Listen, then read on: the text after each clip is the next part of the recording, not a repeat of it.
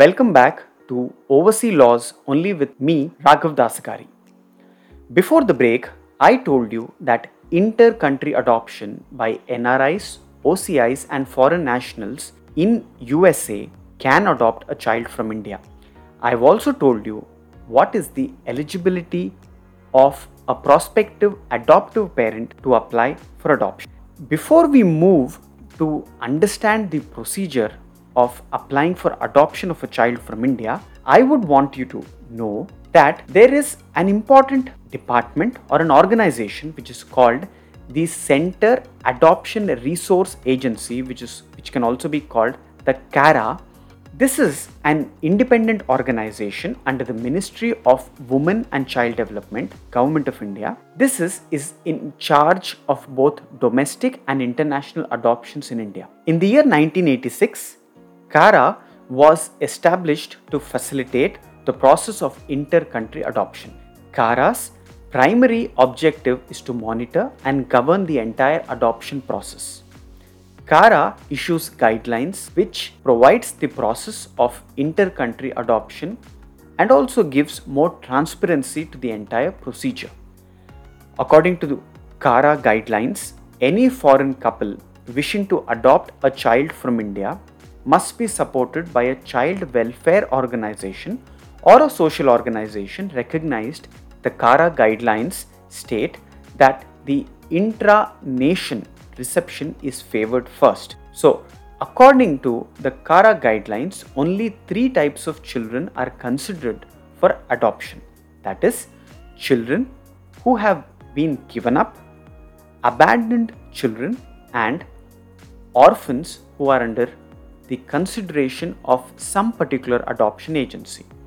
The guidelines also state that all child care institutions must be authorized in accordance with the provi- provisions of the Juvenile Justice Act. Now, let's move to understand what is the procedure for inter country adoption of child from India by NRIs, OCIs, or foreign nationals. Now, let me tell you that for all those prospective adoptive parents, they have to apply to the Foreign Adoption Agency, which is also called the FAA, which is present in their country of habitual residence. Now, please remember if you do not have a foreign adoption agency in your place, then you can approach the Indian diplomatic mission in your place. Now, you approach the FAA in order to prepare a home study report. This is a very important report which is considered for the adoption of a child from India. After this HSR report is prepared, the same is forwarded by the Foreign Adoption Agency to the CARA. Now, CARA finds the prospective adoptive parents, whoever is suitable, they are selected and they will further be forwarded to the SAA, which is the specialized adoptive agencies. Now, SAA prepares a child suitability report and a medical report of the child, and the same is sent to the prospective adoptive parents in order to take their consent after showing the detailed study of the child and also with respect to the medical condition of the child is concerned. Now, once the prospective adoptive parents agree and give their consent to the CSR and the medical report of the child, the SAA that applies to the court in India seeking formal orders for adoption of children. Now, please remember the adoption orders granted by the court concerned under the Juvenile Justice Act is very crucial. In fact, the order itself assumes finality to the entire process of adoption. Now, the prospective adoptive parents take the child after obtaining the adoption order from the court to the pre adoption foster care home for a temporary period within India. Now, there is also a procedure where a no objection certificate is to be obtained from CARA. Now, for the purposes of immigration, after all these procedures are completed, CARA intimates the authority for issuance of a passport and visa. Now, after these procedures are completed, the prospective adoptive parents receive the child from the specialized adoptive agencies. Please remember, there are the quarterly follow ups that are conducted in order to keep a check on the well being of the child by the authorities on a periodical basis. Let me also tell you what is the procedure for inter country relative adoption by NRIs, OCI, or a foreign national.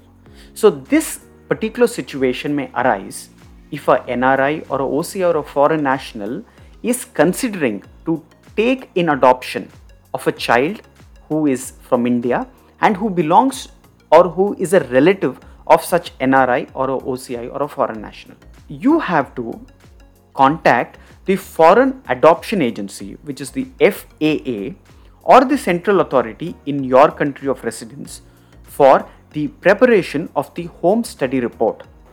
Pursuant to the preparation of the H- HSR, you will be registered online on the concerned domain of the adoption agency.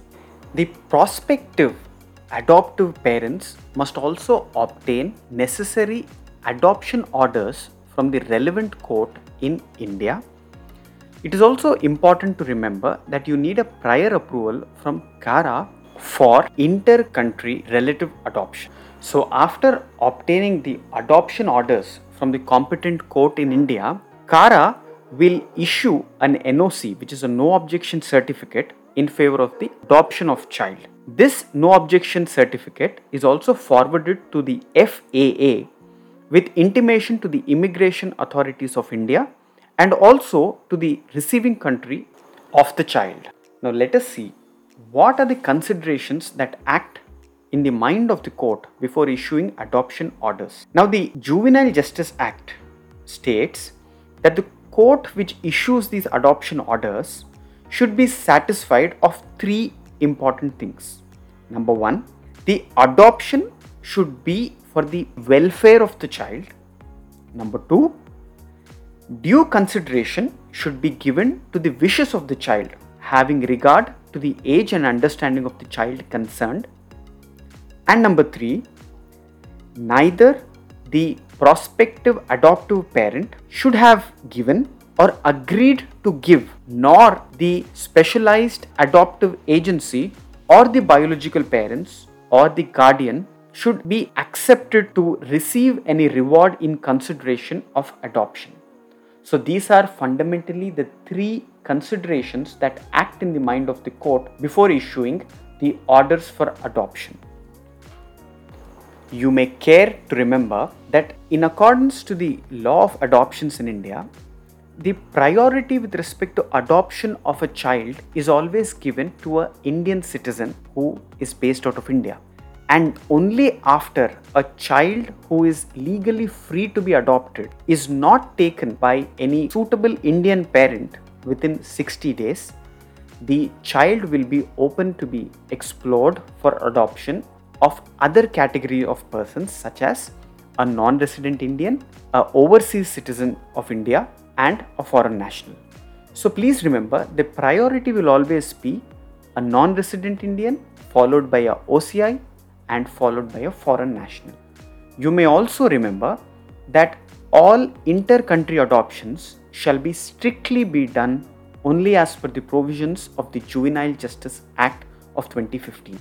Any person who takes or sends a child to a foreign country or takes part in any arrangement for transferring the care and custody of a child without obtaining valid orders from court as per the Juvenile Justice Act in India, these persons or person shall be liable to be punished under law with an imprisonment up to 3 years or fine of rupees 1 lakh or both.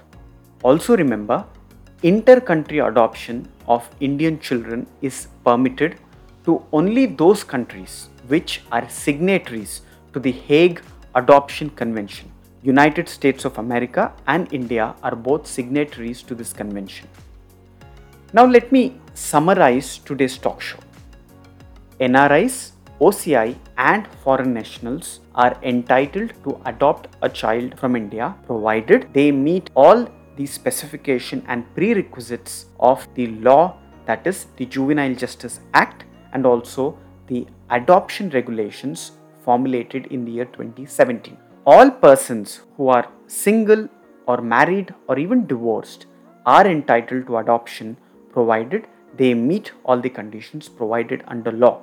Now, it is also important to state that, irrespective of one's religion or faith, adoption can be undertaken. Thank you for joining me. This is Raghav Dasagari on Overseas Laws only on Radio Nyra, Raleigh, Durham. Broadcast on three frequencies 99.9 FM HD4, 101.9 FM, and 1490 AM. If you have any questions or suggestions, you may WhatsApp me at 919 294 4800. Catch me on every Sunday evenings only on Radio Nyra, Raleigh, Durham. Until next time, stay safe.